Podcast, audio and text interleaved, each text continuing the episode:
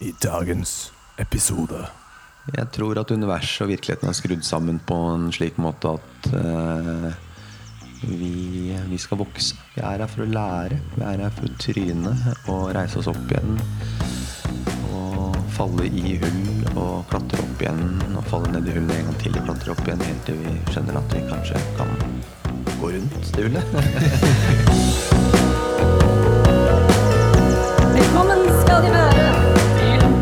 Smør-Jesus og Kaninhullet.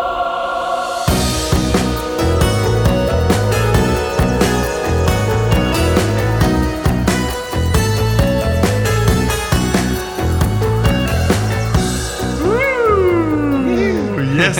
Hallo, hallo, hallo, folkens. Velkommen tilbake til en ny episode av Smør-Jesus og Kaninhullet. Hvor vi igjen skal ramle ned i de interessante kaninhullene som eh, dukker opp i samtalen med spennende mennesker. I dag har jeg med meg en veldig spennende gjest. eh, som jeg har vært veldig så heldig å bli kjent med. eh, og leke mye med det siste året. Eh, det er noe med når man Jeg vet ikke åpner sitt hjerte og jobber med seg selv, at man eh, kjenner at det trekkes folk inn i ens liv som kanskje resonnerer mer med ens egen eh, frekvens. Eh, så det, det er bare artig å ha kjent på det. Kim er en av de som jeg føler jeg har bare dukket opp i livet mitt, og som jeg har eh, fått tatt mange gode samtaler med og, og lært mye av og blitt inspirert av. Han er, en, eh, han er mye forskjellig. Eh, han er en, en mystiker, vil jeg si, på mange måter. Men også en, en movement initiator, som han kaller seg selv. En livsstilsveileder. Og plantemann. ja. Poet. Eh, filosof. Um, og ja. Indigo Jubari, velkommen Takk skal du ha. til podkasten min. Takk skal du ha. Takk for den sjenerøse introduksjonen. Det Ja. jeg får si. Jeg har uh, fått til meg Vi sitter her nå og drikker en kopp uh, kakao. Deilig kakao. Åpne hjertene våre litt og la kjærligheten strømme gjennom til de som sitter her hjemme. Helt perfekt. Ehm, jeg, vi har sikkert masse å snakke om. Det pleier aldri å være noe problem å finne noe interessant å si. Jeg har kronisk munndiaré stort sett, så, så, så, så det, det pleier å ordne seg. Men jeg har lyst til å gi kanskje folk litt eh, kontekst til alt eh, vi kommer til å snakke om. Så det jeg liker å, å, å lære litt Jeg har lyst til å lære litt mer om deg og din kanskje historie. Eh, for å se ja, hvor, du, hvor du kommer fra. Og, og, og da kan jeg kanskje stille spørsmålet ehm, Altså Vi er jo litt kanskje på et, på et, et lignende mission, vil jeg si, med å, å, å, eh, Hva skal man si um, Hjelpe oss selv og, for å kunne hjelpe andre og være en kunne gi så mye vi har å gi til, til verden. verden. Um, men i hvert fall av min egen erfaring så er jo det noe som, som Det var et litt sånn klart punkt hvor jeg liksom det, Jeg innså den, eh, den kraften i meg, kanskje. Det var, eller det potensialet i meg, og, og, og det vekket nysgjerrigheten til å utforske det. da Var det et sånt punkt i livet ditt som var litt sånn Ok, nå begynner jeg på denne reisen her, og hvordan har den reisen på en måte vært til, eh, til i dag? Mm, skal vi se. Jeg tror vi egentlig ganske langt tilbake, egentlig helt litt til starten for min del. Ja. Jeg er, en, eh, jeg er adoptert.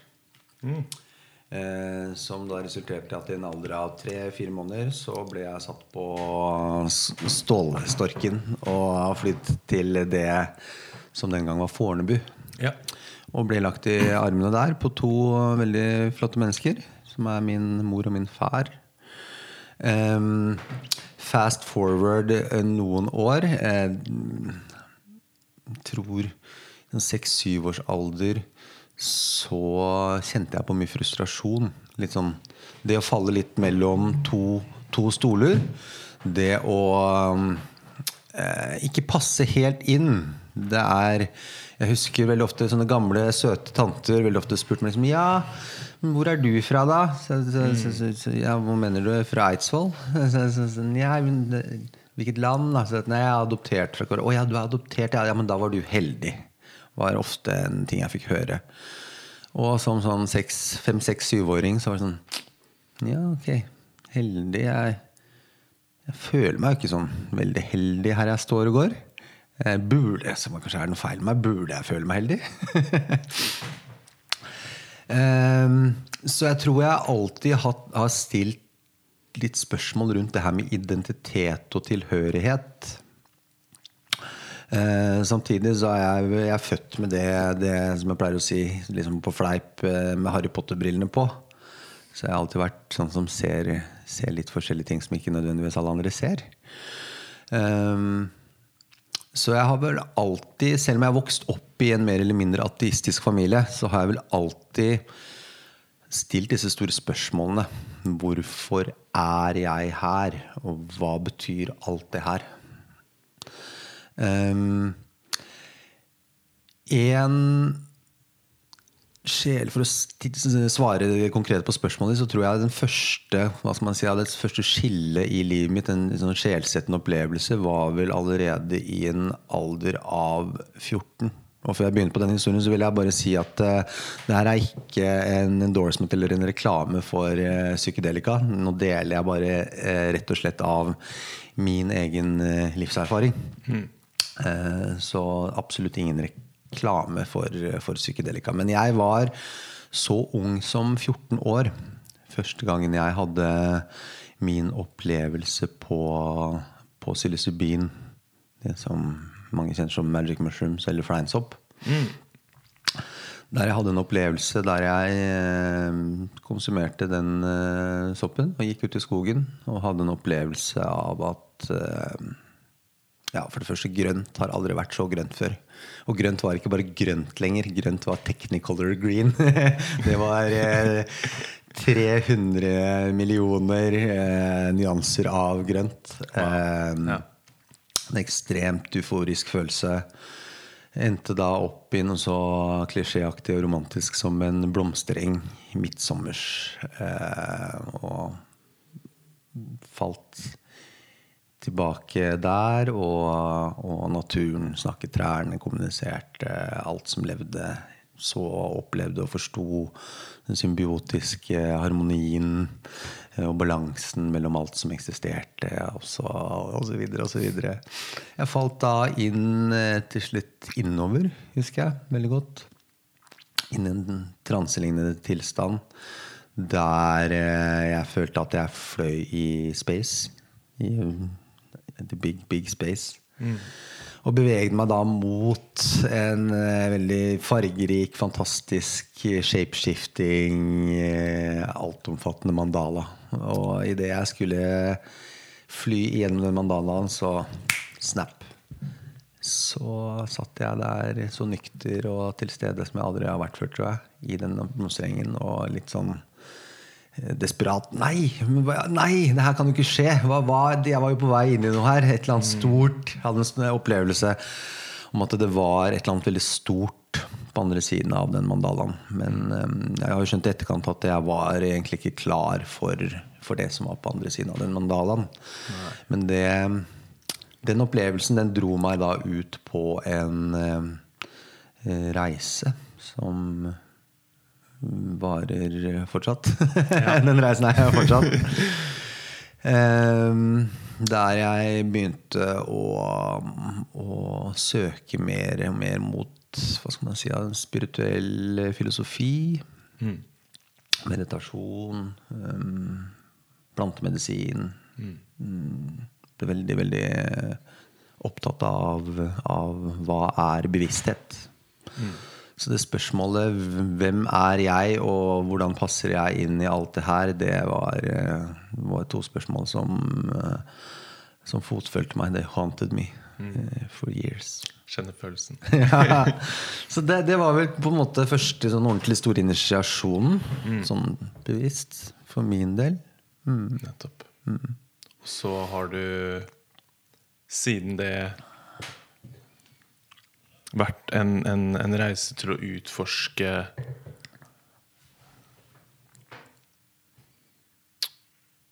Hva skal man si? Svaret? Ja, på, på, på mange måter. Eh, Veien til deg selv, eller? Ja, jeg var jo så heldig at jeg veldig ganske tidlig alder også endte opp da i Brasil. Der eh, det er en medisin som nå er på alles lepper, virker det som. Mm. Som eh, kalles ayahuasca. Ja. Ja. Som jeg har vært så heldig å få studere, og studere med. Og studere gjennom eh, i en årrekke. Mm. Eh, hvor skal man begynne, da? Det tok meg Første læreren min i, i ayahuasca-tradisjonen Det er jo veldig mange forskjellige typer tradisjoner. Veldig mange måter ayahuasca blir brukt på i, i Ja. Sør-Amerika. Vi kan jo kanskje, før du går inn i det, snakke litt om hva det er.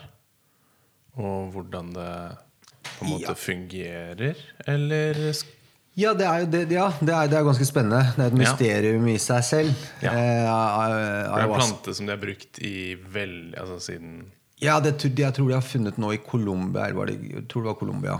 Bolivia eller Colombia. Nå husker jeg ikke om det top of my head.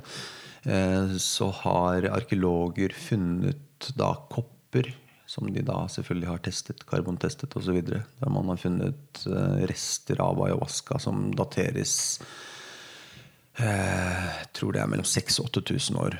Ja. Wow. Så it's, it's old. Det er gamle greier. Ja. Veldig gamle greier. Det som er spennende med det, er jo, og som skiller seg veldig eh, fra alle disse andre plantene og soppene, er det at ayahuasca det består jo av to planter.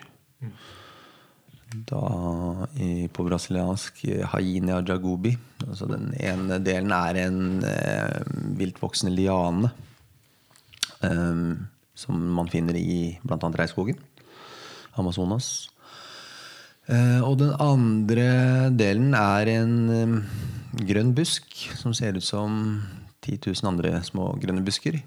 Men da er den eh, planten som inneholder DMT, da. Som um, er um, interessante molekyler. Eh, The spirits molecule, som Yes. kalt. Um, Rick, Rick Strassman coined som The Spirit Molecule. Som er ja, det DMT som er, er det som gir visjonene.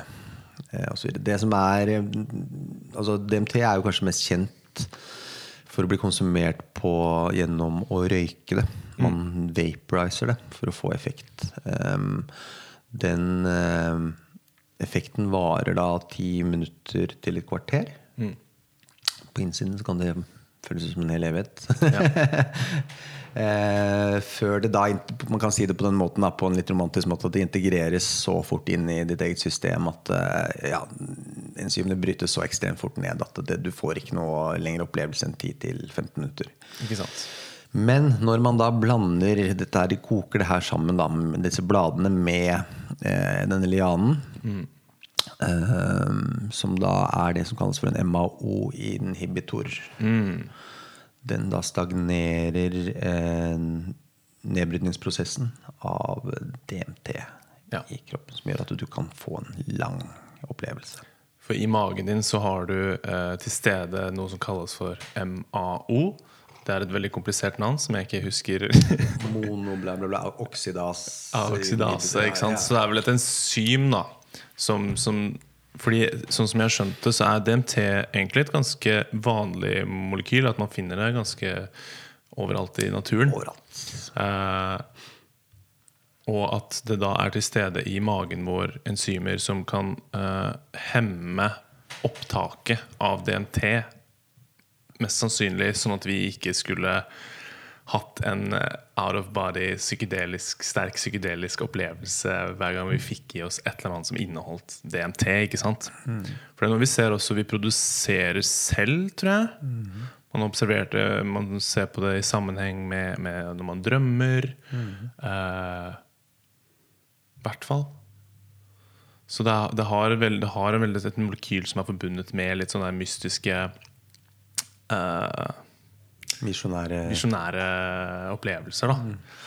Um, men at ja At du da har disse tingene i magen din som, som hemmer absorpsjonen av det, men det disse uh, søramerikanerne oppdaget med disse to plantene, var at den ene planten inneholdt noe som da skrudde av disse enzymene. ikke sant? Disse MAO.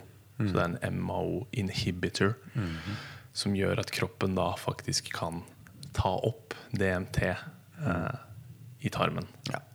Og det her er jo et enormt stort mysterium. Ja. Bare det, og jeg tror det er matematikere mener altså de, de har vel regna på det her, det er en eller annen formel da, som tilsier at det er én til to millioner et eller annet sjanse for at man skal da treffe akkurat de to plantene. Ikke sant? Eh, Så det her er eh, jungle alchemy på, på høyt nivå. Ikke sant? Det er et kjempemysterium. Og de, de sier jo selv at det, var, det er plantene som har gitt Ja, dem den informasjonen, eller? Nei, det er faktisk en ganske mer mytisk og spennende enn som så, faktisk til og med. De sier at det var i veldig mange disse- av disse tradisjonene av, fra disse stammene inni i Amazonas, så sier man at det var den eh, hvite anakondaen, Shiboya branca, som de kaller den, som okay. kom med, med kunnskapen om ayahuasca.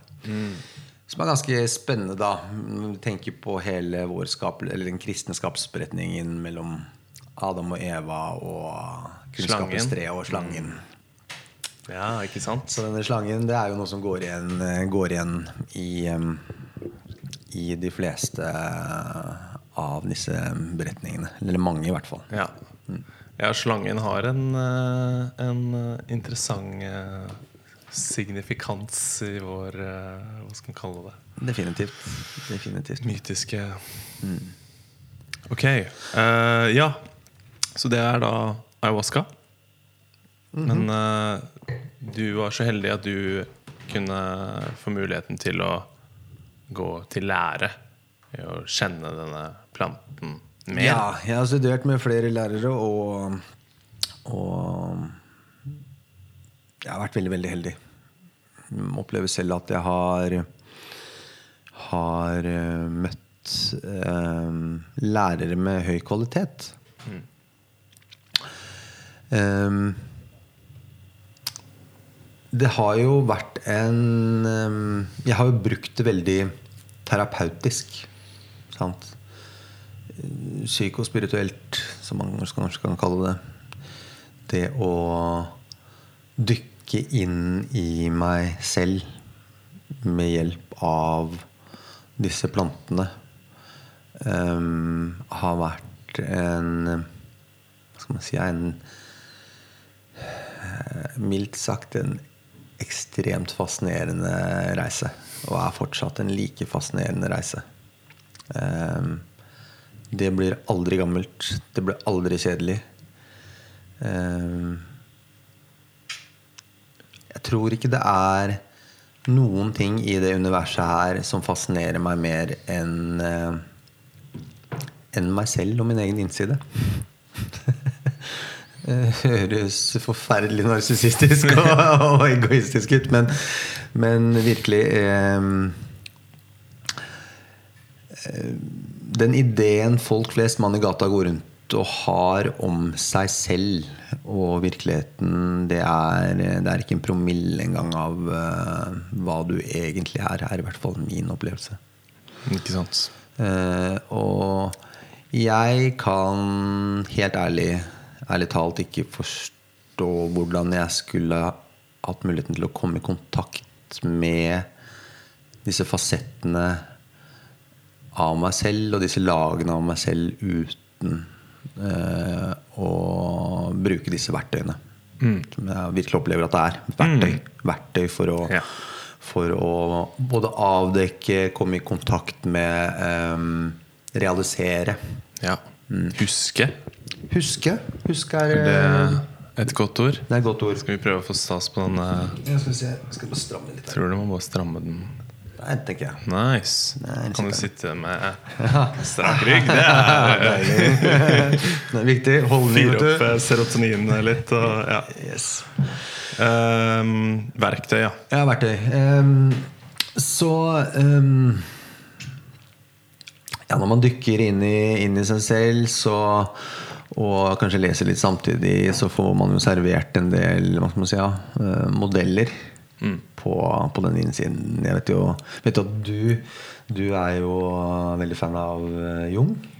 Ja, absolutt. Yes. Eh, som, som ser eh, sine ting, har sin modell gjennom arktyper. Ja. Mm. jeg kom vel de første Når jeg kom i kontakt med, med mm, den terapeutiske, den, den spirituelle terapeutiske delen av hva skal man kalle det ayahuasca-arbeidet, eller er bed med seg selv. Det er så vanskelig å finne en sånn god terminologi på det her. Ja. Eh, så blir man jo presentert for, for konsepter som det høyere selv, det lavere selv, eh, mask self, eh, Ja. the idolized self, det idealiserte selve, Ja. videre. Så- Som, som fungerer jo veldig fint som et kart på mange måter for å bli, og man må få ut språk for å kunne kunne faktisk eh, ordlegge seg og forklare hva man opplever og ser og på innsiden av seg selv. Eh, mens faktumet i det store og hele bildet er jo at dette er jo så enormt stort og egentlig så altomfattende og totalt så igjen um, Man ender opp med veldig mange forklaringsmodeller for hva man opplever og hva man ser, men jeg har vel egentlig kommet fram til det for egentlig ganske mange år siden at eh, så fort man egentlig prøver å åpne munnen og gjengi eller forklare eller fortelle hva man har opplevd, Ja. så har man redusert det ned til noe det egentlig ikke er lenger. Så, så, så det er kanskje også viktig å påpeke her i denne samtalen, i denne podkasten her, at dette her er modeller. Ja. Abstrakt. Det blir veldig, veldig, veldig abstrakte Veldig modeller. abstrakt. Det er, jeg, jeg liker sammenligningen om at det er som å forklare farger til en fargeblind. Ja, På en måte. Det er veldig, veldig godt. Hvordan er det man skal uh, gjøre det? Ja, akkurat. For det er en, det er en helt Det er en, en opplevelse som bare går langt forbi den, den vanlige sinnstilstanden. Og Så det å skulle finne noe i den ja, Hva skal man kalle det? Ved vår vanlige sinnstilstand. Til å farge, prøve å sette ord på noe som blir noe helt annet. Det er, jeg merker allerede når vi prøver å forklare det, at det blir, blir med en gang veldig abstrakt. Så, så ja. Den er, den er, eh, den er tricky. Men Hvis du skulle forklare din, din første opplevelse med psykedelika Ja. Um, det er veldig interessant det du sier, eh, og det, det føler jeg ofte er en, en, en, en gjengående ting. Um, fordi psykedelika hadde en veldig sånn uh, Min første psykedeliske opplevelse, som var også med psilocybin, faktisk. Uh, sopp ute i, ute i skauen. med en liten uh, vennegjeng. Ehm, var et veldig stort skifte. Det, var, det skapte et veldig stort skifte. Uh, og det jeg følte jeg opplevde igjen, var jo en, en, en Det var som å se verden på nytt. Jeg følte når jeg observerte altså i, i rusen, så, så observerte jeg ting uten de, mine forutsatte kategorier for hva det er. Eh, ikke sant? Når jeg så på et, et, et barken på et tre, eh, så var det ikke bare Det var ikke bare bark, på en måte. Jeg tenker, så når, når vi går gjennom livet, så, så, så setter vi på en måte bare labels på alle disse tingene, og så blir det på en måte bare en sånn litt sånn Ja, det er bark, liksom. Det, er, det har den funksjonen, og det er Man det, er- det, er det, man generaliserer det veldig, putter det veldig inn i kategorier, ikke sant? og så blir alt bare det samme. Men, men når jeg så på det treet, så så jeg, liksom, så, så jeg det for det det var. Ja. Uten en, en, en, en påprinta liksom, idé om hva det var for noe. Så igjen, det her blir veldig abstrakt, men nå, nå, nå er dere advart, folkens. We're going We have no, abstract. we have no choice. exactly. Og så var det den, også den følelsen av den dype kontakten med naturen som Altså en, en, en Igjen, hvis jeg snakker om den vanlige sinnstilstanden min, hvor man klarer å separere seg selv veldig fra alt der ute på en eller annen måte, eh, så var jeg Hadde jeg først, første gang følelsen av at jeg jeg var en del av bare en massiv familie av eh, Ikke sant? Jeg var i familie med alle cellene og alle dyrene og alle insektene og alle snøpartiklene. Og det var, det var en sånn En sånn omfavnende følelse av at eh, jeg hadde Jeg var en, en del av et, et stort eh, spindelvev, på en måte, som, som som jeg pustet med, og som på en måte jeg bare så det var også en sånn stor oppvåkende ting for meg. Um, og, og det var også veldig Jeg fikk se mye i meg selv om, om veien jeg hadde gått til nå. Jeg fikk liksom studert um, Det var veldig introspektivt på den måten, for jeg fikk studert det og så på veldig mange måter hvordan jeg hadde utviklet meg til å kanskje f.eks. pådra meg visse usunne mønstre. Eh, og så hvordan disse mønstrene liksom tydelig påvirket livet mitt. På en måte som jeg skjønte at jeg ikke hadde lyst til at uh, livet mitt skulle være. Så det var også en sånn veldig sånn et tidspunkt hvor jeg begynte å forstå mer at jeg har en veldig sterk uh, Altså hvordan jeg lever mi, livet mitt uh, Eller jeg har en veldig sterk påvirkning da, på hvordan livet mitt utfolder seg. Ut ifra uh, hvem jeg velger å være, og, og hvordan jeg velger å handle. Og hvor jeg velger å handle fra, på en måte. Eh, jeg hadde liksom negative handlingsmønstre da som, som skapte mer kanskje lidelse enn det skapte kjærlighet for noen. Eh, som igjen jeg så var noe som skapte en, en lidelse i meg selv. Så det, så det var jo et sånt uh, vendepunkt hvor jeg skjønte at liksom, ok, jeg, jeg, har, jeg har litt å jobbe med, rett og slett. Hvis jeg skal uh, få det livet som jeg ønsker å, å leve. Så Ja. Nei, det har eh, vært det. Det har spilt en veldig stor rolle i, i mitt eh, liv også. Men og siden det så har jeg jo utforsket med mye forskjellig. Og, og også prøvd ayahuasca, som også jeg føler var, en, var det neste steget. Eh, og som, eh, som jeg eh, det, det, det, føler, måten jeg føler det skiller seg litt fra det andre. Det, det finnes jo forskjellige måter å bruke disse tingene på. Man kan jo ta smådoser. Man kan jo Altså, man kan jo også med kanskje psilocybin, eh, LSD, sånne ting Man kan jo sikkert komme til å misbruke det. Altså, det er mulig, sikkert. Jeg, Ja, jo, det er det definitivt. Det er jo det. Nå, men, men med ayahuasca, da, så er det liksom Det, det er arbeid. That's not a recreational drug. Nope. Recreational drug. Hva er det på norsk? Uh, oh, recreational. Um, recreational drug um, det er noe godt ord for det. Nei, jeg vet ikke, jeg heller. Noe man bruker for å slippe seg løs, på en måte. Eller ja. feste, eller rømme, rømme, rømme litt. Eller, Ja, jo, sant. sant Jeg vet ikke hva recreational egentlig betyr. Samme det. det høres så fint ut på engelsk likevel, så let's just go with that. Uh, ja, men uh, Nei.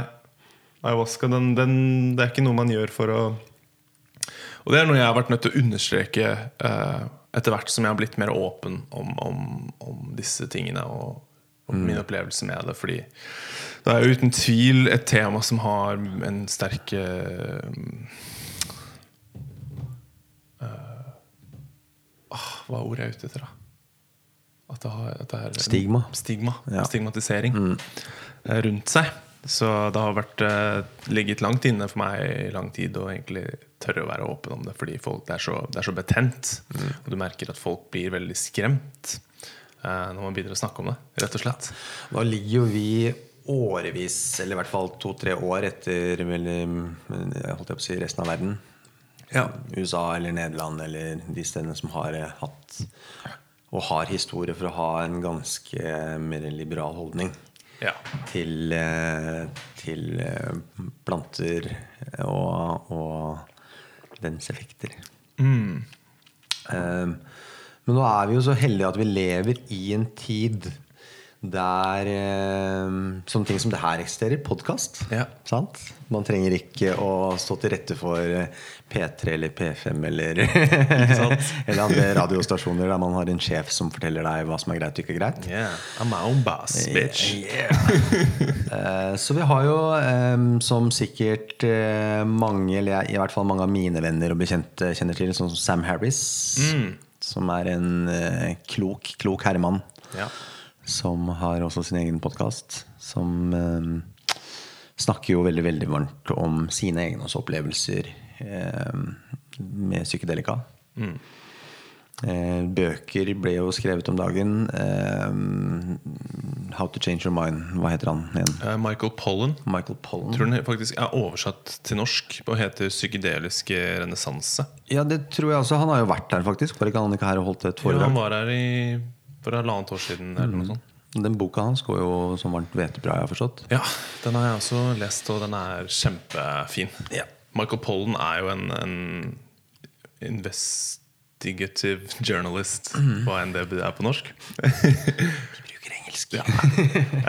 um, som har skrevet masse forskjellige bøker om veldig mange andre emner. Eh, jordbruk, matproduksjon. eh, og velge litt sånne emner litt sånn ut ifra hva som bare vekker nysgjerrigheten hans. Skikkelig kul fyr. Ja, Så han, han kom jo inn i hele den psykedelika-verden med et veldig nøytralt eh, blikk, som er det som jeg følte kanskje var den verden trengte også.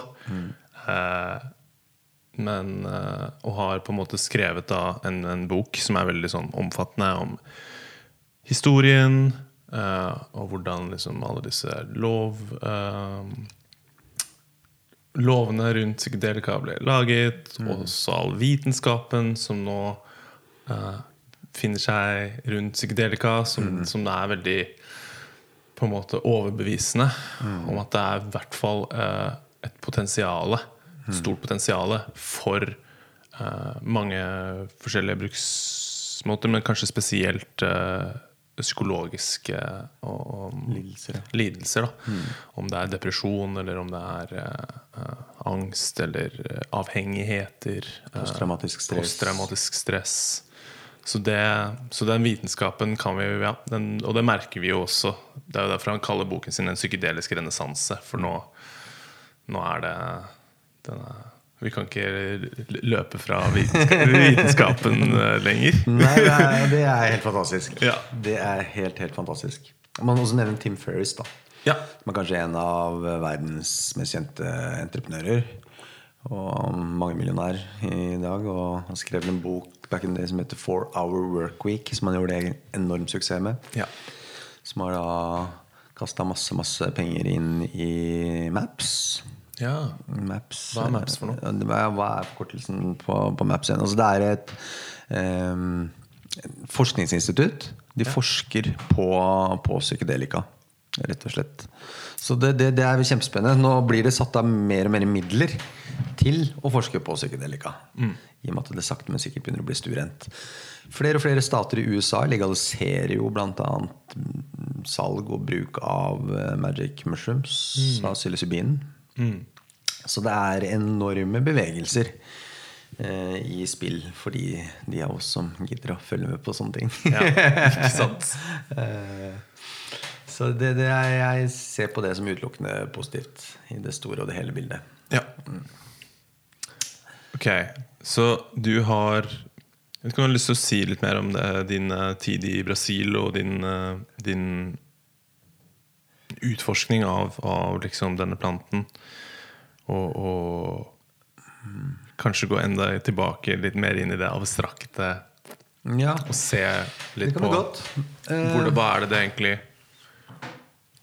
Eller hva er dine tanker om hva det er, og hva er, det, hva er dine tanker om hva det gjør med en? For meg så er det jo helt umulig. Så nå skal jeg liksom Nå tråkker jeg rett i vepsebolet her, egentlig. Til motsetning fra veldig mange av disse som vi nå har nevnt, som har en veldig scientific, altså vitenskapelig approach til, til psykedelika. Fordi, tror jeg, at det er det som på en måte er, er lov i Ja. gåse, gåsehendene. Det er tiden vi lever i, språket allmenn eh, Ja. forstår og stoler på, kanskje. Men for meg så er det jo helt umulig å ikke komme inn på å dra det her inn i noe spirituelt. Det er på en måte der jeg kommer fra personlig. Ikke religiøst, men spirituelt.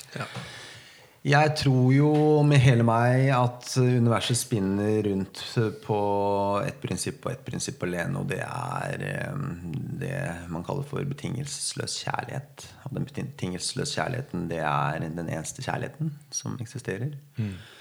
Dette er eh, noe de færreste av oss egentlig er i kontakt med på noen som helst måte. Den kjærligheten folk flest snakker om, f.eks. den kjærligheten mellom to mennesker eh, Kjærligheten vi har til, til natur og Eller den ideen vi har. Dette ordet kjærlighet. Mm. det ser ikke jeg på som kjærlighet. Det er noe annet. Um, fordi så lenge vi gir noe i forventning eller, og har et ønske om å få noe tilbake, så er den ikke betingelsesløs. Det er ikke kjærlighet. Det er business. En transaksjon. Du ønsker å gi noe, men har en forventning om å få noe tilbake igjen. Så jeg tror jo på da, at vi mennesker vi inkarnerer her gang på gang på gang på gang. på gang 7,5 milliarder av oss om igjen og om igjen om igjen for å studere hva kjærlighet egentlig er for noe. Og sakte, men sikkert at vi kan bevege oss mot denne ekte kjærligheten. Mm. For eh, hittil Så det er bare å ta en kikk ut vinduet, holdt jeg på å si. Ja. Så ser vi at eh, vi, vi vet veldig lite om hva kjærlighet er. Så det er jo kanskje et tankekors å ta med seg, ta med seg videre for oss alle. Ja. For jeg tror virkelig på hadde, hadde vi bygd eller konstruert um, en virkelighet på grunnlag av betingelsesløs kjærlighet, så hadde virkeligheten sett temmelig annerledes ut i dag. Så dette er jo en av de tingene jeg virkelig har em, Det er vel kanskje juvelen, syntesen, den store, the big picture, av det jeg tar med meg, og har tatt med meg fra bruk og, og disse hva skal man si, å utforske psykedelika, er dette her at eh, det grunnleggende prinsippet for eksistens er kjærlighet. Mm. Så da er det jo, er jo oppgaven da, å se på, tørre å se på alle disse tingene som står i veien for eh, deg og denne kjærligheten. Mm, yes. Og det er jo ikke bare småtteri. For vi er jo du, Både jeg og du vi vet jo begge to at vi, vi har jo en historie, og vi har blant annet også to foreldre. Og som jeg pleier å si, har man to foreldre, så er man traumatisert. og det spiller ingen rolle hvor gode foreldre du hadde, hvor kjærlige de var, hvor pedagogiske de var. Det er ingenting som heter perfekte foreldre. Det er ingenting som heter perfekt oppdragelse. Det er ingenting som heter en perfekt barndom. Um, jeg tror at universet og virkeligheten er skrudd sammen på en slik måte at eh, vi, vi skal vokse. Vi er her for å lære. Vi er her for å tryne og reise oss opp igjen. Og falle i hull og klatre opp igjen. Og falle ned i hullene en gang til og klatre opp igjen helt til vi skjønner at vi kanskje kan gå rundt det hullet. for å si det på en litt sånn eh, flåsete, poetisk måte. Ikke sant? Legge en, lage en bro. Lage en bro. Ja. Eh, hoppe bukk, hva som helst. Eh, nei, jeg tror jo uh, virkelig at vi har en jobb å gjøre, alle sammen. Mm. Jeg tror jo at den eneste måten vi også lærer på, er, eh, er eh, gjennom å Hva skal man si? Ja? Gå oss litt bort. Vi må gå oss bort for å finne veien hjem igjen. ja. Du får liksom ikke opplevelsen av å finne veien hjem hvis du ikke har gått deg bort. Nei. Og det er vel det vi opplever her. Det Maya, illusjonen, som buddhistene kaller det. Mm. Eh, Vi, vi vaser rundt her. Klør oss i hodet og i ræva og lurer på hvordan skal vi hvordan, hvordan skal vi få det bedre. Ja. Eh, Hvorfor kan jeg ikke bare være lykkelig hele tiden? Hva har jeg gjort for å fortjene det her? Svaret er alt. Ikke sant? Alt du har gjort. Ja. ja, så um, tilbake igjen da til hvorfor jeg skal stille spørsmålet Hvorfor er psykedelika et fantastisk verktøy for å potensielt bli et bedre menneske? Jo, fordi man har en opplevelse av å komme nærmere enn det man opplever, i hvert fall, som en mer absolutt sannhet. Mm. Man kommer i kontakt med Kan komme i kontakt med noe som oppleves ikke som bare din sannhet. Det er ikke en subjektiv sannhet, men mer en objektiv sannhet. Som f.eks. at alt er kjærlighet. Ja. Um, som da gjør det litt vanskeligere å være et rasshøl på daglig basis. ja. Ikke sant? Once you know. ja. Men ja. Nei, ja, ja, når du sier det der, så tenker jeg umiddelbart på Matrix. Ja. Første Matrix-filmen. Ja. The Red Pill and the Blue Pill. Det er nettopp det. Ja. Har du liksom blitt plugga ut av, av Matrixen og har sett sannheten, så you can't kind of go back. Nope. To your old ways. Exactly. Ignorant ain't bliss no more. Det er, jo, det er jo derfor jeg egentlig elsker den filmen også. Den er jo et så veldig, fantastisk. veldig, veldig fint eh, bilde av nettopp kanskje det å, å, ja, å ta seg en sånn reise. Da. Hvor mm. Ja, hvis man føler seg Hvis man føler seg dratt mot det, hvis man føler at eh, man graviterer mot, mot det, og man eh, opplever også at man er eh, tålelig mentalt stabil og frisk Ja, det kan vi jo Vi kan jo snakke litt om det, kanskje. Ja, det for, det, for det er jo ikke et eh, Ja, det er jo ikke nødvendigvis noe for alle. Og det er veldig mange Det er, det er veldig viktig å, å vite hvordan man skal bruke det. Og? At det er trygge, i trygge sammenhenger, og at det er gjerne med en erfaren person som kan veilede ordentlig. Sånn at, fordi igjen, snakker av egen erfaring, bruker man disse tingene på feil måte, så kan det ha ganske kjipe konsekvenser. Ja. Sett og setting, sett og setting, sett og setting. Ja. Setting, setting, setting. det er eh, veldig lurt. Som jeg pleier å si, altså, kan si det på den måten at psyk eh, psykedelika er for alle, men ikke alle er for psykedelika. Nei. Det er um, Utdyp eh, den litt. Jeg tror det er Jeg tror veldig mange f.eks. har en førsteopplevelse opple- Mange vet jeg har en første, førstegangserfaring med psykedelika, f.eks. ved å dra til Thailand og være ute på en annen pub. Og så er det en annen bar som eh, også selger eh, Magic Shake Ja. med Magic Mushrooms. Og så er man sånn passe halvrita i en eller annen bargate i Bangkok eller et eller annet annet sted i Thailand, og så ender man opp med å få i seg eh, masse, masse sopp. Psilocybin. Og ikke nødvendigvis Man kan jo selvfølgelig ha en helt fantastisk opplevelse også. Noen har jo det. Men det trenger jo ikke nødvendigvis å gå så bra. Det kan jo også være en ganske traumatiserende opplevelse. Skummelt. Fordi når bevisstheten endrer seg, så om man ikke på en måte er vant til at bevisstheten endrer seg på den måten, så kan det oppleves som uh, litt skummelt også. Ikke sant? Og man ikke vet kanskje helt hva man skal forvente heller. Og så på en måte plutselig er verden snudd opp ned. Og så Nettopp. Nettopp. Ja. Og så går det liksom Man kan ikke helt forberede seg på det.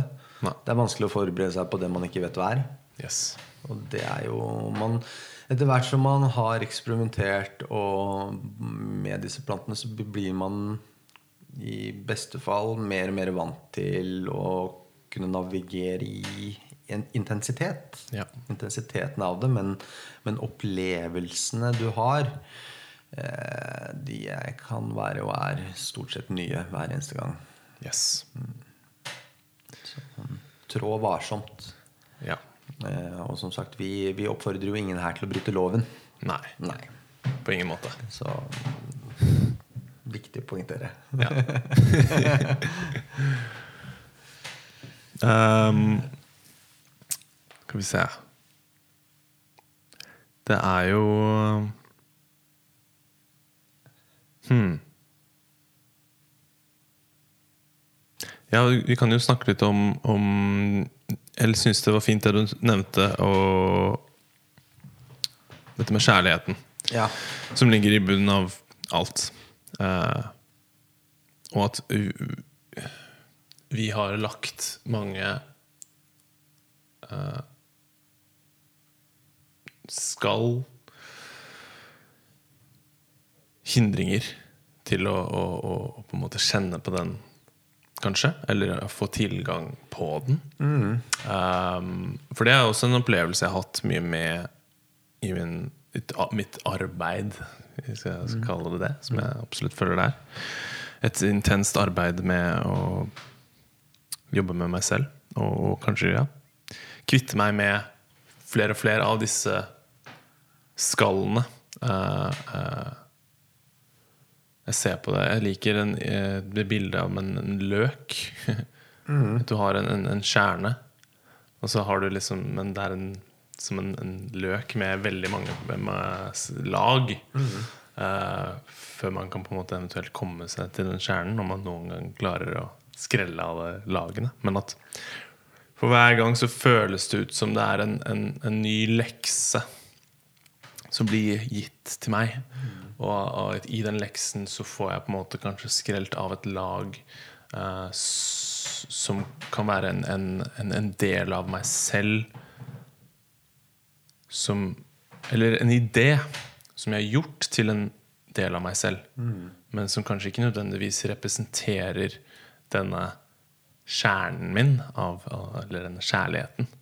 Uh, men som er mer kanskje en, en programmert uh, konstruksjon som jeg har vært nødt til å benytte meg av på et eller annet tidspunkt i livet mitt, fordi da spilte det en viktig rolle. Eh, jeg kan bare plukke et eksempel for å gi dere der hjemme et eksempel, men ikke sant Man fikk ikke oppmerksomhet av uh, faren sin når man var uh, liten. Så man, man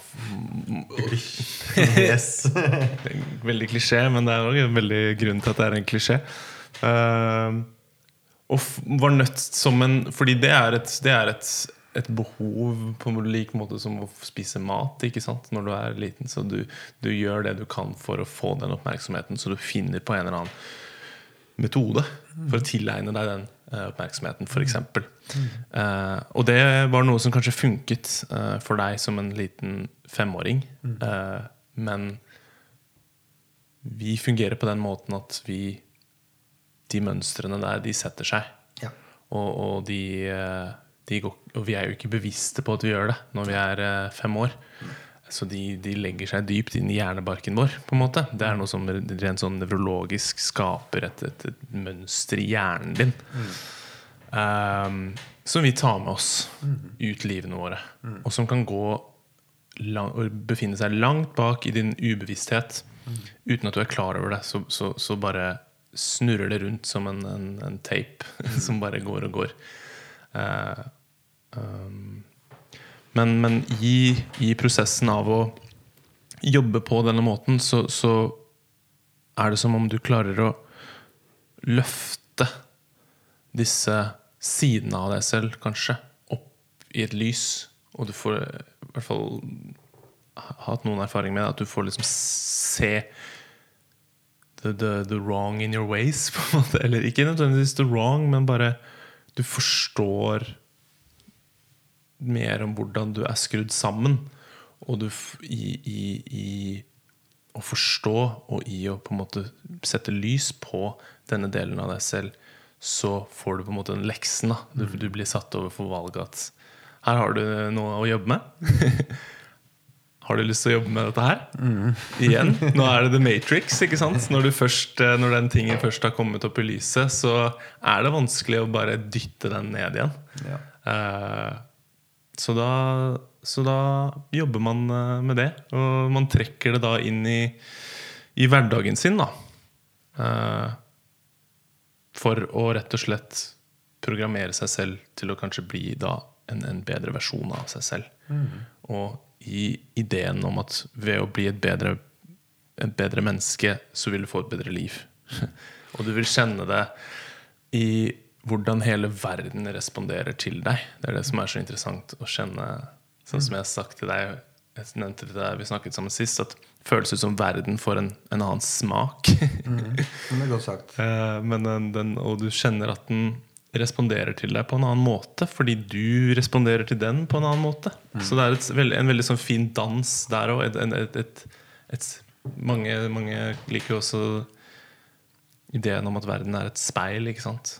At, eh, og det er også noe jeg Ikke sant, ikke noe man kan ikke, jeg har ikke gjort noen studier på det.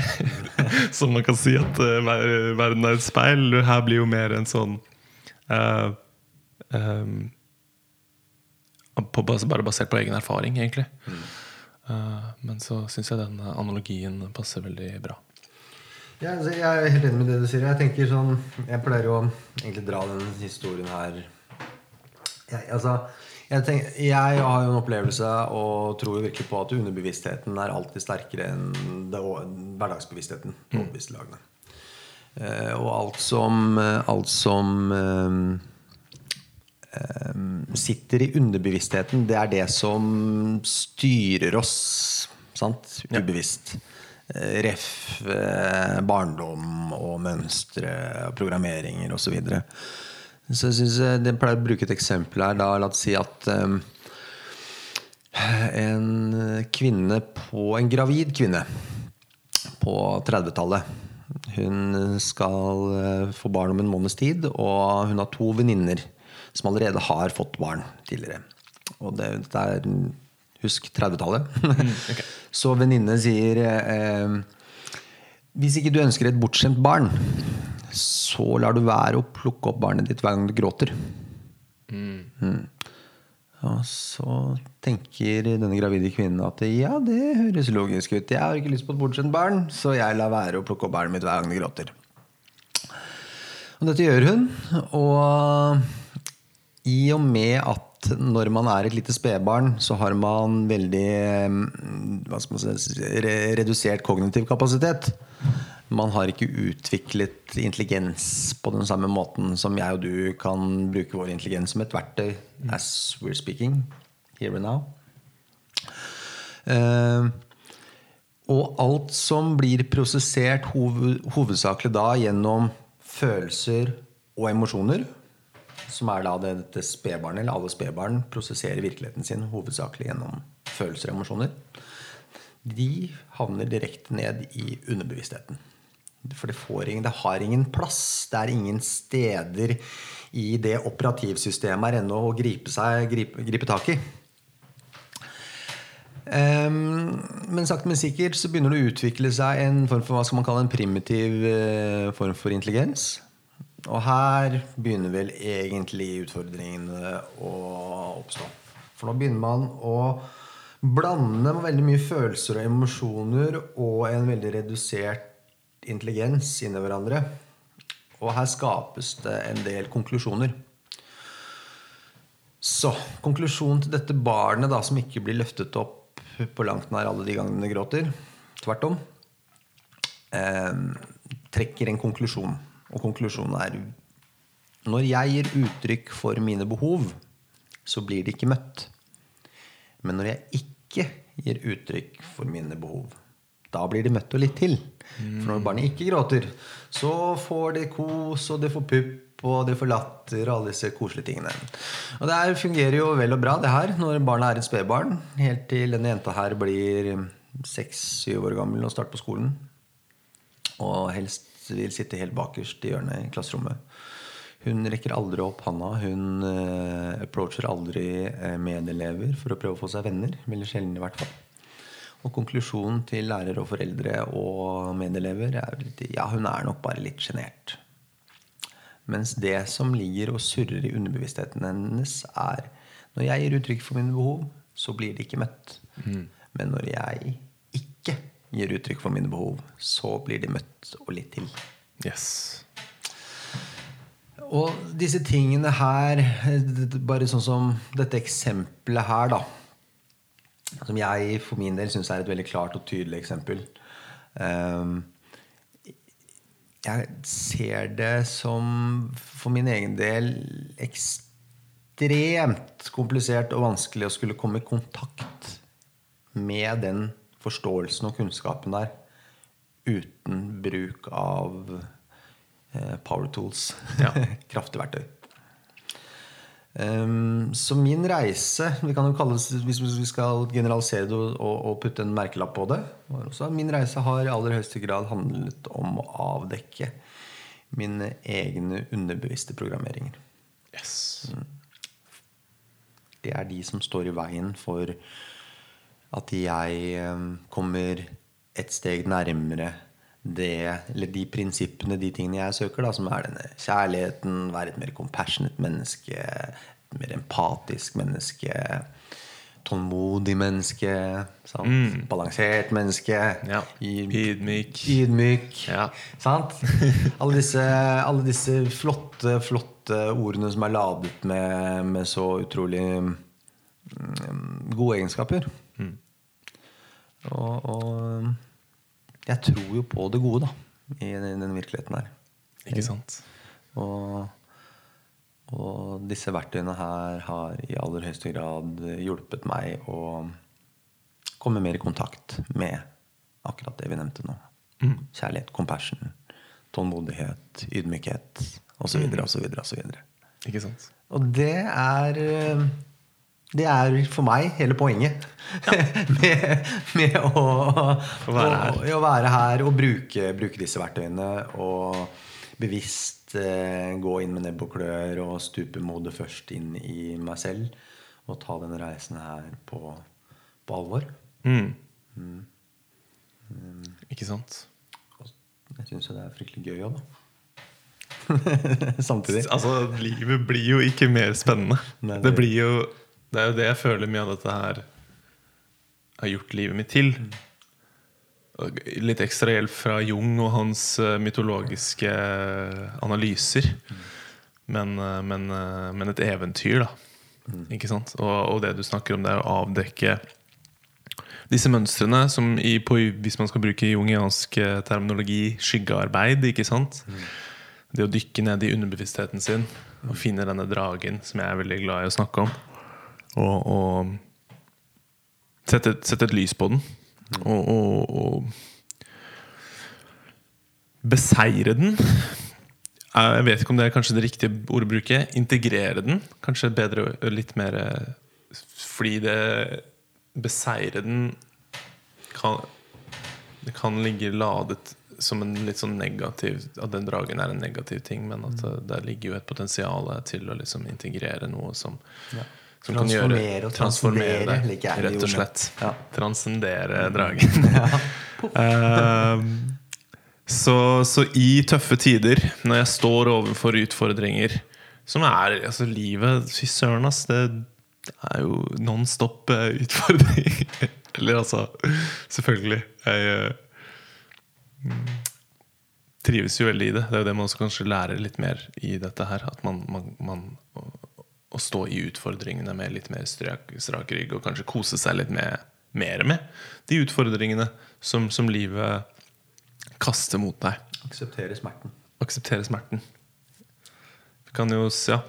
Det, det er jo noe med det at uh, det blir ikke smerte uh, med mindre man uh, Lidelse. Ja. jeg, jeg liker å differensiere veldig mellom smerte og lidelse. Ja.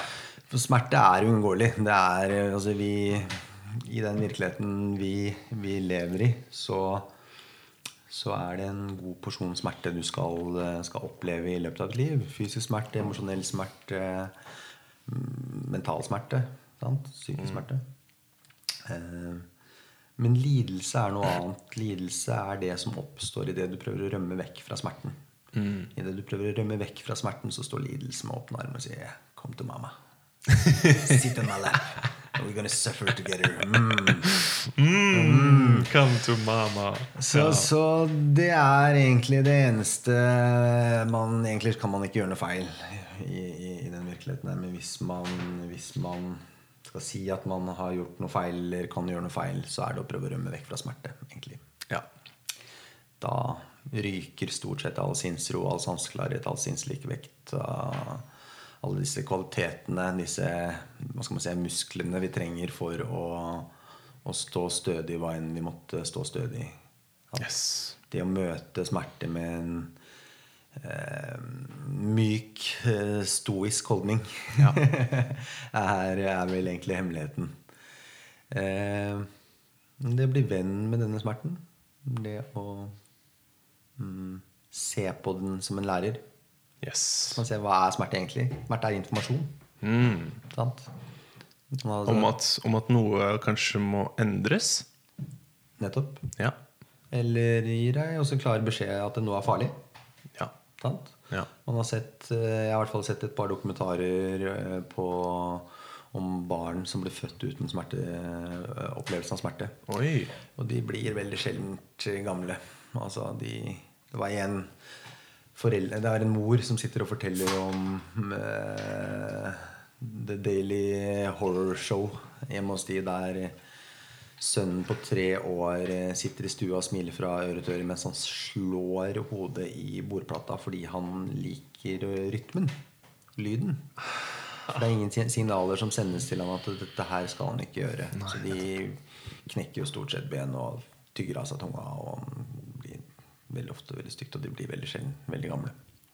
Så smerte er, er helt nødvendig. Det er eh, informasjon Ja. som forteller oss eh, hvor grensene går, f.eks. Som du sier, hva er lurt å gjøre, hva er ikke lurt å gjøre. Mm. Uten opplevelsen av eh, smerte, så, så Så hadde vi utslettet oss selv, mest sannsynligvis. Ja. Ikke sant. Altså, det er eh, Det kan være Det har også vært en, en stor Bare det perspektivet der, da. Er en veldig Kan være en, ha en veldig transformativ påvirkning på bare hvordan hele din tilnærming til livet blir. Det er liksom en lettelse å, å kjenne på at For jeg tror kanskje vi mange, ja, som vi har snakket om, lever i dag med en idé om at meningen med livet er liksom å føle seg bra. Eh, men så, som vi alle opplever, så er det umulig å, å, å- et umulig mål å sette for seg selv. Da. Som, som skaper skuffelse. Lidelse. Fordi man, man, man man gjør noe feil, ikke sant? Men jeg driver jo og opplever all den smerten og alle disse utfordringene og ting. Jeg har det ikke så bra, og herregud, eh, livet er vanskelig, liksom. det er jo noe galt med meg. Og så, så blir det bare en sånn en selvforsterkende lidelse som man bare gosser seg og ruller rundt i. Eh, som kan også være en veldig skape en, en veldig sterk negativ feedback, hvor man på en måte Ja, hvis man, hvis man er i den sinnstilstanden av å, å Gud og meg, så, så fælt jeg har det, og så vil det mest sannsynlig generere mer av, av det du eh, opplever. Men, eh, men eh, ja, det å bare lære seg at ja, livet er tøft, og det, det, det bringer smerte. Og, og det er bare en del av eh, Det er en del av um, prisen vi betaler for å, for å kunne leve dette livet. Ja, og for å kunne kjenne på det gode. Ikke sant? Ja, den eneste måten man vokser på. Ja, det også. Altså, du, hvis du skal til toppen av Mount Everest for eksempel, og kjenne på Mm. den triumfen Triumfen av å, av å um, stå der på toppen og se utover utsikten, så er det, det er mye smerte Ja. på vei opp dit. Og så er spørsmålet da om du velger lidelsen, eller om du bare velger å hvile ned i smerten. Ehm, vi vokser ikke uten den smerten. Og noen ganger vokser vi ikke uten lidelsen heller. Fordi vi, vi, vi, vi trenger tydeligvis den også. For å, for å komme mer i kontakt med hva som egentlig betyr noe. Kanskje. Um, pleier å bruke samlivsbrudd, syns jeg er et helt strålende eksempel på, på voksesmerter. Ja. og, og vokselidelse. Ja. Jeg tror de fleste som har vært i et seriøst forhold og har vært, hatt opplevelsen av et, at et seriøst forhold ryker, har hatt opplevelsen av at all sinnsro, all sanseklarhet, all sinnslikevekt alt, alt bare ryker rett ut av vinduet. Ja. Og man sitter igjen med et stort ouch! ja. Man syns synd på seg selv. Man uh, syns livet er urettferdig. Eh, og så syns man mer synd på seg selv. og enda litt mer synd på seg selv. Eh, og det, det her er jo eh, en um, glimrende mulighet for å vokse. Ikke sant? Det er jo da vi ofte har denne um, denne ideen om at den andre personen utfyller meg, eller ja, denne codependent, codependency-greia eh, kommer inn i bildet. Og så ser man de menneskene som klarer å komme seg ut av f.eks. et samlivsbrudd med hode og hjerte og kropp i behold Ja. på en god måte, eh, blir bare rett og slett bedre mennesker. Mer compassionate. Det er liksom den gamle klisjeen hvis du virkelig elsker noen, så, så setter du de fri. Ikke sant? Ja. Er man en av de som klarer det etter et samlivsbrudd, så, så har man rett og slett bare blitt et litt bedre menneske enn det man var før. ja. Så, så, så vi trenger Vi trenger øyeblikk og scenarioer og historier i livet vårt eh, som gir oss muligheten til å ha det litt vondt, Ja. sånn at vi kan vokse. Og det er jo også noen av disse dette psykedelika ofte også har mulighet, du har muligheten til å oppleve. ja. Er at det som veldig mange da um, velger å sette merkelapp på, på som en bad trip, eller en dårlig opplevelse. Ja. Hvis man velger å hvile ned i denne eh, dårlige opplevelsen i gåseøyne, gåstegn her, så har man muligheten til å vokse. Ikke sant? Yes. Det er liksom den der evnen til å kanskje jobbe med å integrere det som var kanskje en, en skummel og ubehagelig opplevelse. Eller å kanskje rømme fra det ansvaret og si det var bare en bad trip. Jeg har ikke lyst til å besøke det stedet der Nei, sant? Det ja.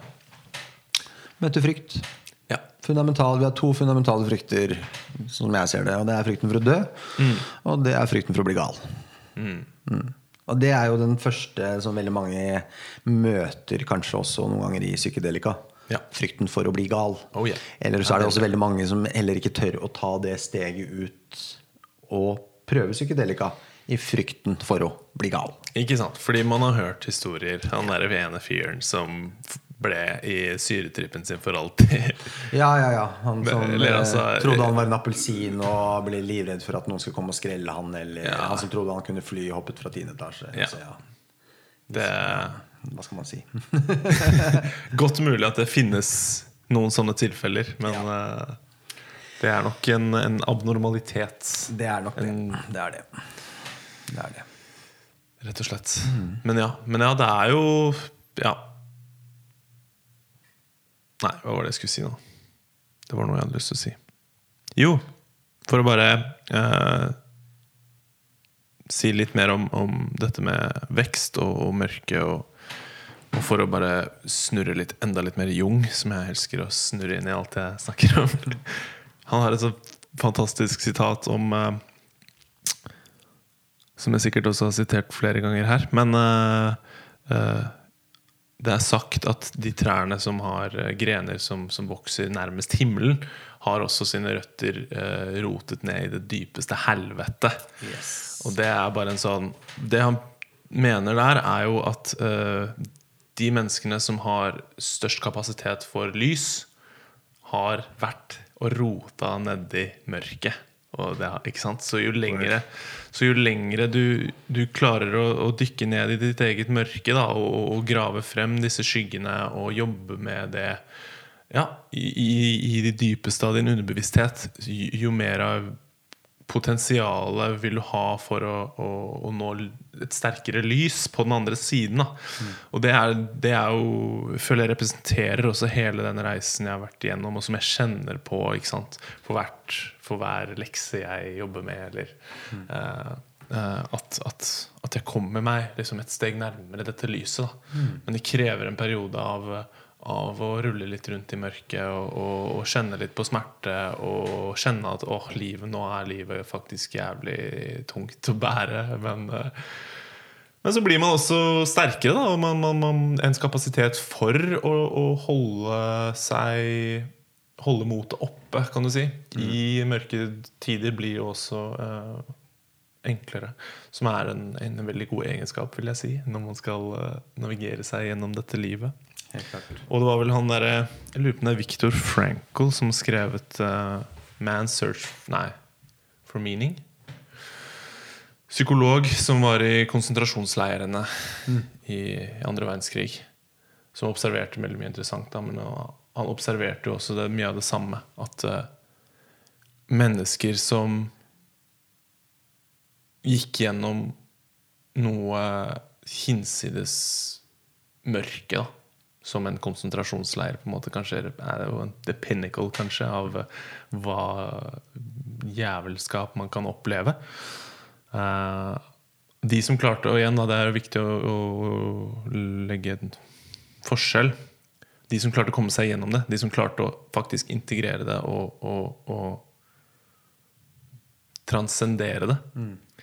Deres kapasitet for lys og liksom styrke ble liksom bare ti ganger eh, så sterkere enn kanskje en, en, en mer vanlig mann i gata. Um, men at det også er selvfølgelig noen sånne slag av virkelighetens kaos eh, kan jo være Det er jo noen som aldri kommer seg ut av det, på en måte. Eh, som ikke klarer å, å gjøre det arbeidet, og som på en måte ja, ender opp eh, i kanskje mørket, eller? Si Jeg tenker at noen har, har Alle har vel sitt studie. Ehm, sånn som jeg ser det. Men før jeg skal snakke om det, Trym, så må jeg låne toalettet ditt. Ok! det skal du få lov til. Husker du hva vi skulle snakke om? Eh, ja, jeg tror jeg husker det i hvert fall. Eh, Det handler vel om Jo, jeg er av en sånn overbevisning om at ehm, alle mennesker og egentlig alt som eksisterer, er her for å studere det de skal studere. Ja. Så Trym studerer å være Trym, og Indigo studerer å være Indigo. Yes. Og dette, banalt nok så tror jeg altså at dette bordet her studerer å være det bordet her. I min virkelighet så er alt bevisst. Ja. Bevissthet er altomfattende. Det er overalt, i alt. Ehm, så kan man jo si at det er forskjellige typer bevisstheter, eller så kan man si at eh, bevissthet er bevissthet. Vi er i hvert fall alle sammen bygd opp av de samme atomene. Eh, om vi er bor, eh, fugl, fisk, trær eller mennesker. Ehm, og de som faller ned i mørket, tilsynelatende, hvis vi skal bruke den terminologien der, og ikke kommer opp eller ut igjen, skal vel studere det, da. Tenker jeg. Det livet her. Alle skal ikke reddes, og vi skal ikke være like heller. Jeg opplever og tror at universet, som en energi, som en bevisst en bevissthet, eh, er eh, en kraft, kall det I stad kalte vi det for betingelsesløs kjærlighet, men jeg tror også at den kraften er eh, ren, ren kreativitet.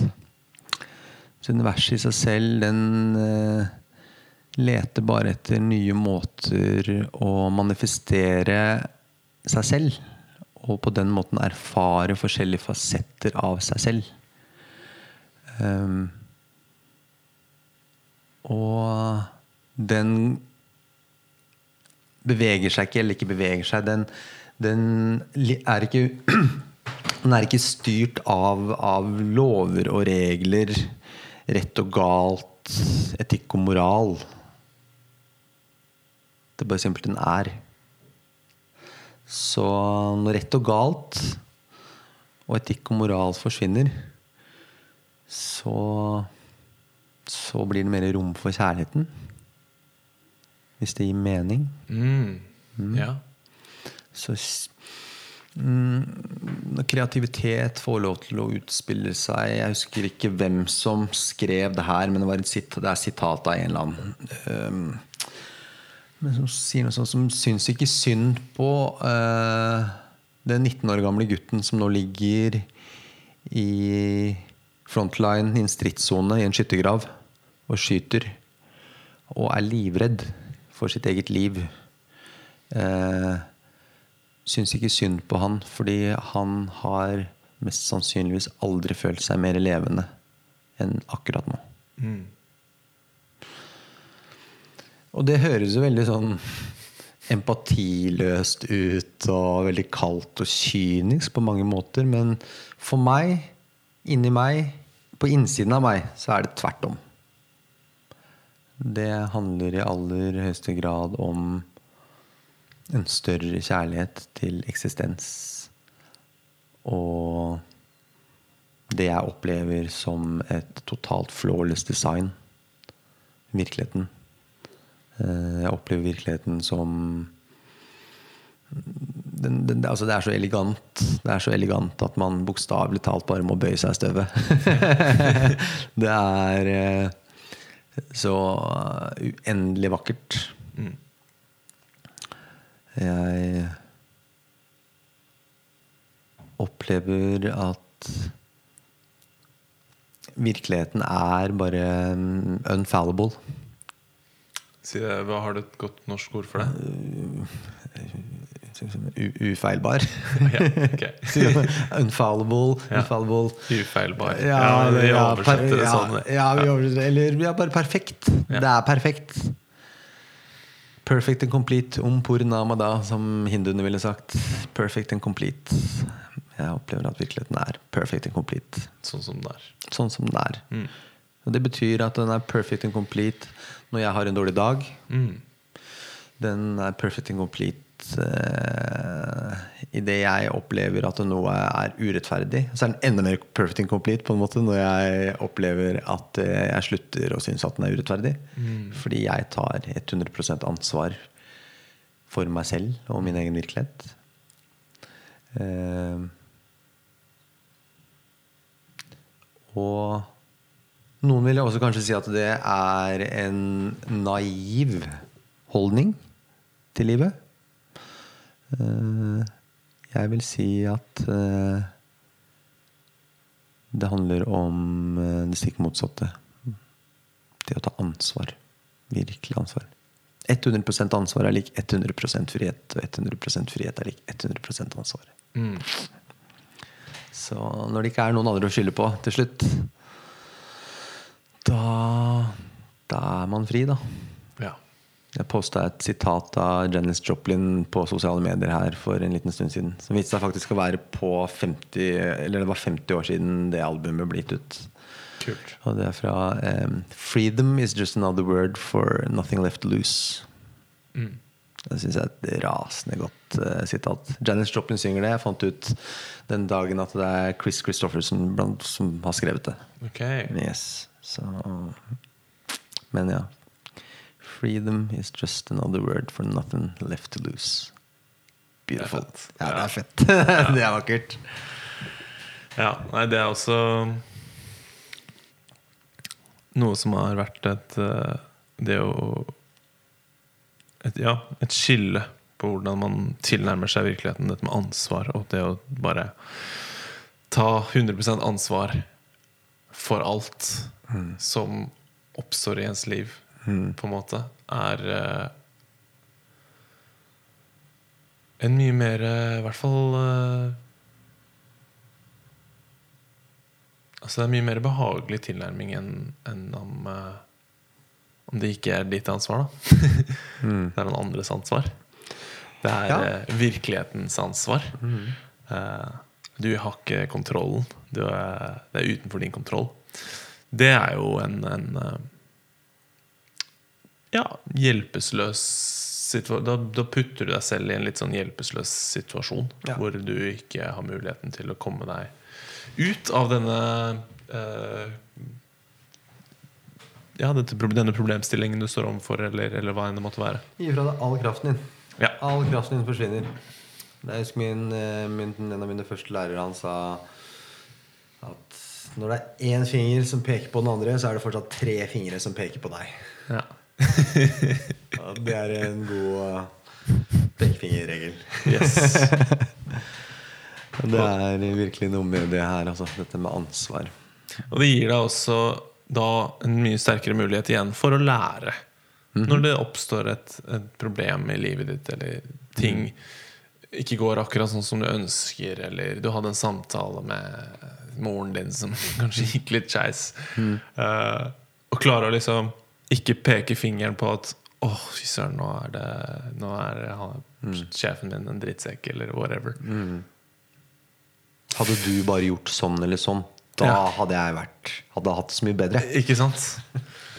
Men om det er din tilnærming til altså, Eller om det er du som sa måten du kommuniserer på, eller det å stoppe og, og prøve å analysere hvordan ting kunne um, skjedd annerledes der ute.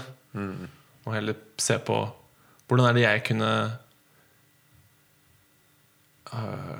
for eksempel neste gang i denne situasjonen uh, tilnærmet jeg meg den på en litt annen måte som hadde skapt et bedre resultat. Sånn at jeg kunne få noe nærmere det jeg ønsket. Det er, det er jo egentlig helt innlysende. Fordi å skulle bruke jævlig mye energi på å forandre på virkeligheten der ute, det er altså da, skal- da bruker du mye energi.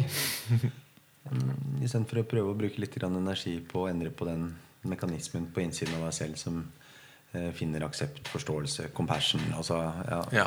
medfølelse. Altså alle disse Igjen disse gode, fantastiske kvalitetene som vi mennesker i utgangspunktet har kapasitet til å kunne operere fra. Ja. Og så finner man jo ut da ikke sant, at det er ved å endre på det systemet, det indre systemet, hvor man faktisk endrer på det ytre systemet, at din interaksjon med virkeligheten vil på en måte alltid være en, en psykologisk hendelse. På en måte. Så ved å endre ens psykologi på en måte, ved å gjøre dette indre arbeidet, så, så vil man merke at man endrer også sin egen virkelighet, egentlig. da Hvis man ja, er med på den eh, bølgen der, da. Jo, men totalt, og det her er jo, Da kan, kan man egentlig Ikke at jeg skal gidde å bruke så mye tid på det nå, men her kan man jo også dra mye vitenskap inn i det. ikke sant? Men jeg tror de fleste har blitt utsatt for den setningen som sier eh, at det er ca. 10 eh, av det som blir kommunisert mellom to mennesker, er gjennom språk. Mm. og de andre, eller 10 eller 20, ja, altså, mens de andre 80 eller 90, de, de kommuniseres gjennom kroppsspråk, gjennom øynene, gjennom veldig mange andre ting Ja. enn bare dette snakketøyet her. Eh, og når man har en positiv holdning til virkeligheten, når man smiler, når man er oppreist, når man har øyekontakt Altså alle disse tingene her som eh, mennesker som er tilfreds, eh, emanerer ut, eh, utstråler i en mye større grad, så er det, jo ikke, ikke vanskelig å forstå eller tro, eller de fleste har vel også faktisk erfart det, håper jeg, at uh, virkeligheten responderer på en annen måte. Mennesker responderer på en annen måte. Hunder responderer på en annen måte. Katten din responderer på en annen måte. Sant? Ja. Uh, så, og så kan man jo tenke hvor langt hvor kan man dra det der? Mm. Sant? Hva skjer hvis jeg faktisk går rundt og kjenner på grenseløs, betingelsesløs kjærlighet til absolutt alt som eksisterer? Hvordan vil da mennesker rundt meg agere eller interagere med meg? Hvordan vil hunden min interagere? Andre hunder? eh, Barn? Eh, Henge deg på et kors. Nettopp! Det er mest sannsynlig. Mest sannsynlig. Det er ikke tøys engang, vet du. Det er, eh, det er, det er et tankekors. Ja, det er tankekors. Mm.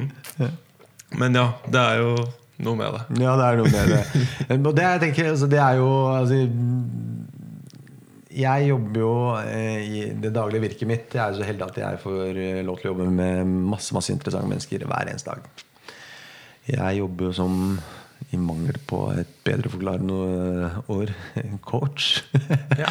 Eh, Jeg kaller meg selv for movement initiator, så jeg er med på å sette i gang Eller prøver å stimulere til å sette i gang gode bevegelser. På innsiden og utsiden, og om det er i business eller hva det skulle være. Uh, og min uh, filosofi er 'by all means necessary'. Det er, vi tar i bruk de verktøyene vi har for å nå, nå målene, eller det målet som klienten eventuelt måtte ha eller måtte ønske å ha. Eh, men etter å ha holdt på med det her i ganske mange år nå, så er jeg 100 sikker på én ting gjennom å ha møtt veldig veldig mange mennesker, er at alle mennesker har bare lyst til å ha det bra. Ja. Har lyst til å være glade og lykkelige. Men veldig ofte så tar de i bruk verktøy som aldri kommer til å ta de til det stedet av eh, verken permanent lykke eller lengre midlertidig lykke. Stort sett er det veldig kortvarige strategier.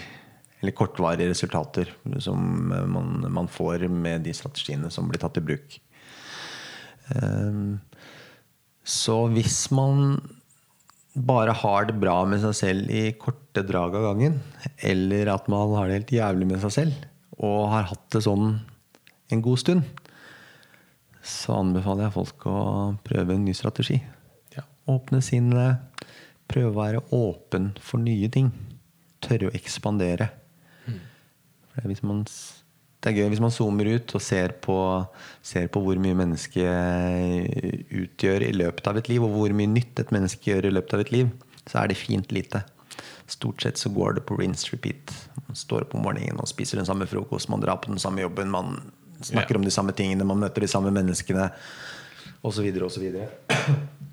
Um, så jeg tenker en sånn appell da, fall til alle som sitter og hører på det greiene her. Yes. Vås etter Trym og Indigo. Er eh, å tørre å gjøre nye ting. Sant? yes. Tørre å utfordre deg selv. Det er gøy. Ja. Det kan være kjempeskøy. Ja, men jeg kan ikke det. Jeg er jo ikke sånn. Jeg er jo ikke sånn. Men du kan være sånn.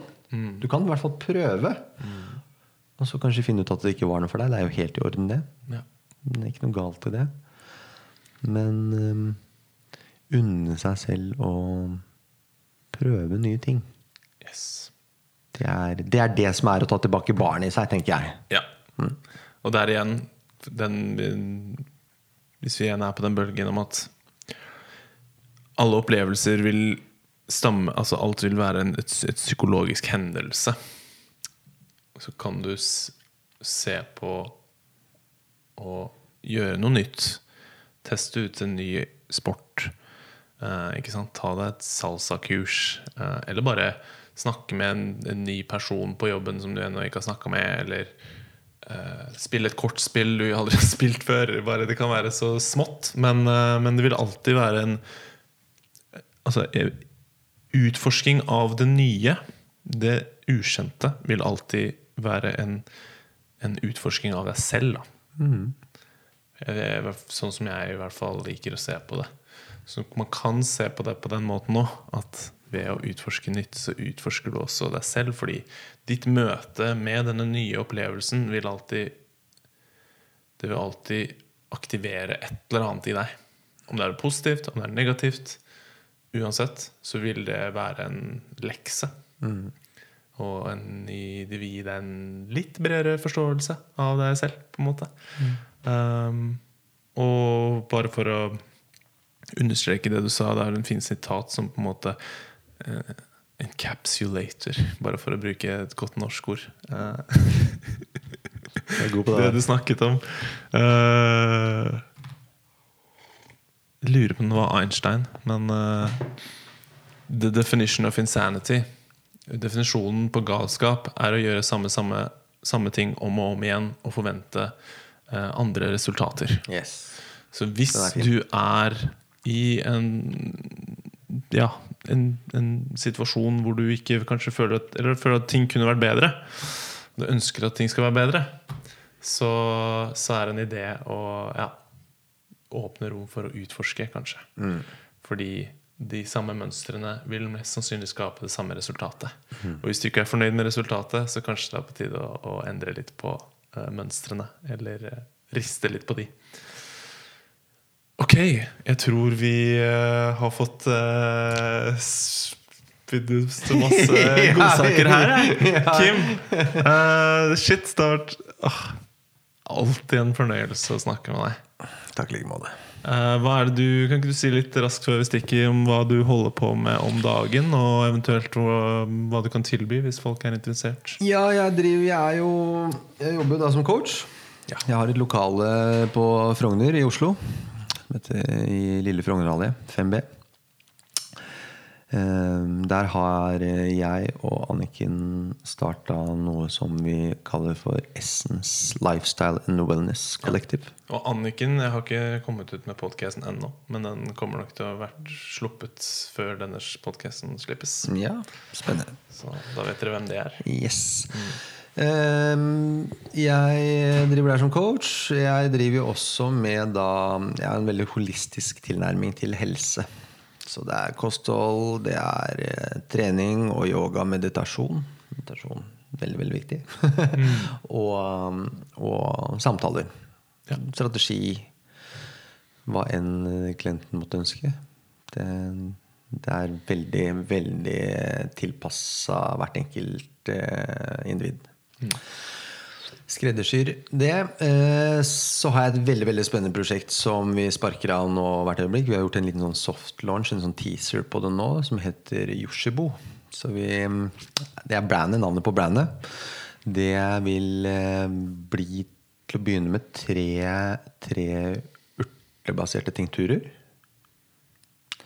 Som eh, Jeg får ikke lov av Anniken til å si altfor mye om det nå, men det er veldig veldig spennende. Ja. Vi ser vel på en launch av det i april, tenker jeg. De produktene skal være på plass i hyllene. Um, så det er veldig spennende. Vi er liksom på oppløpssida her nå for å klinke til med produksjon og det som er. Så endelig funnet de samarbeidspartnerne vi trenger for å få gjort det her med den helt sinnssyke kvaliteten som vi ønsker å holde. Er det, er det en sånn overordnet tema til disse urtene, eller er det bare Er det for litt veldig forskjellige Longevity er, Longevity. eh, er stikkordet som går igjen i, i det her. Og tonic herbs eh, må vi også nevne. ja. Ehm, vi kommer nok til å komme ut med Eller kommer nok. Vi kommer ut med en som kommer til å gå på mood. Ja. Mood enhancer. Mood optimizer. Og en som kommer til å gå på det respiratoriske systemet, lungene våre. Som er eh, særdeles viktig, spesielt også disse dager. Så det var jo ikke Etter den formelen var ferdig, så tok det ikke så mange uker før hele dette koronastyret brøt ut. Så det var jo veldig Interessant timing. Interessant timing, mildt sagt. Ja. Og så kommer vi ut med en leverformula, som er en daglig maintenance og light detox for å ta vare på og supporte leveren. Spennende. Det er veldig spennende. Jeg gleder meg til å teste det. Ja, jeg gleder meg også til du skal teste. det. ok, Kim. Takk for nå. Ja, takk for nå. Takk som uh, inviterte. Ja. Det er hyggelig. Jeg satser på at jeg regner med at det blir i hvert fall et par til av disse her. Ja, Ja, ma ma masse mer å snakke om. Ok, folkens. Smør-Jesus signing off.